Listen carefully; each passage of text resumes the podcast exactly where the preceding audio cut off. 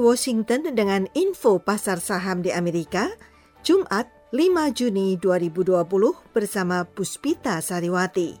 Pasar saham di Amerika, indeks Dow Jones naik 11,93 menjadi 26.281.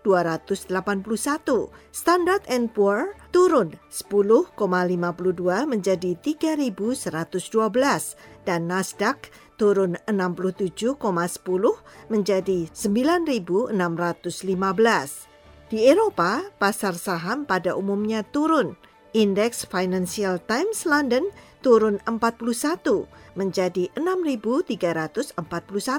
DAX Jerman turun 56,80 menjadi 12.430 dan CSI Paris turun 10,40 menjadi 5.012. Sedangkan pasar saham di Asia pada umumnya naik Indeks Nikkei Tokyo naik 82 menjadi 22.695 dan Hang Seng naik 40,68 menjadi 24.366. Berikut kami sampaikan nilai mata uang utama di dunia.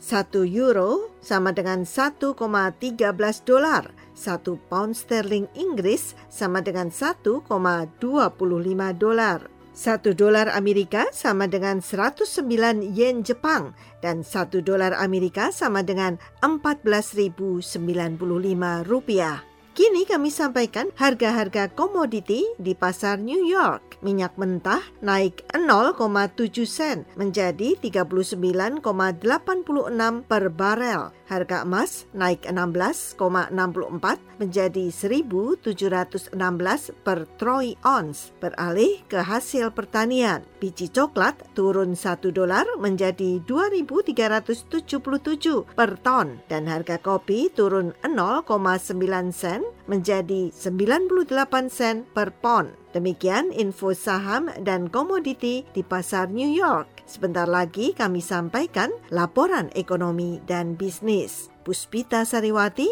VOA, Washington. The Voice of America.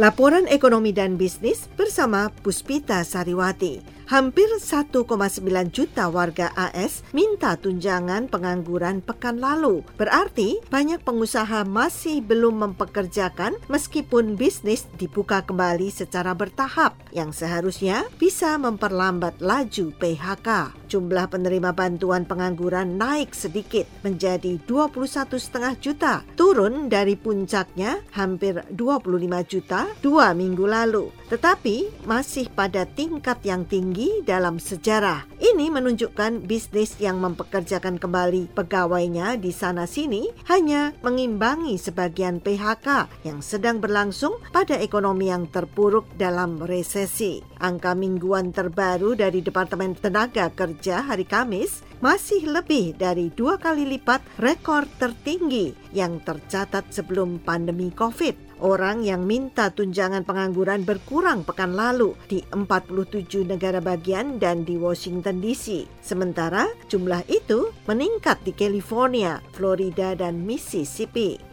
permintaan untuk mendapat tunjangan pengangguran menurun di negara-negara bagian yang telah membuka kembali bisnis mereka lebih awal seperti Georgia dan Texas. Dan di negara-negara bagian yang masih dalam tahap awal proses pembukaan seperti New York dan Massachusetts. Beralih ke berita bisnis lain. Penjarahan dan pengerusakan di kota-kota di Amerika merupakan pukulan bagi bisnis kecil yang mulai pulih dari pandemi corona. Toko waralaba seperti Target, Walgreens, dan Macy's, pengecer independen di pusat kota menjadi sasaran pengacau dan penjara yang merusak ketika polisi dikerahkan untuk mengatasi demonstrasi besar atas pembunuhan George Floyd di Minneapolis. Banyak bisnis yang ditutup atas perintah pemerintah negara bagian dan lokal untuk menahan penyebaran virus corona, menyebabkan pemilik bisnis tidak mendapat penghasilan sejak Maret.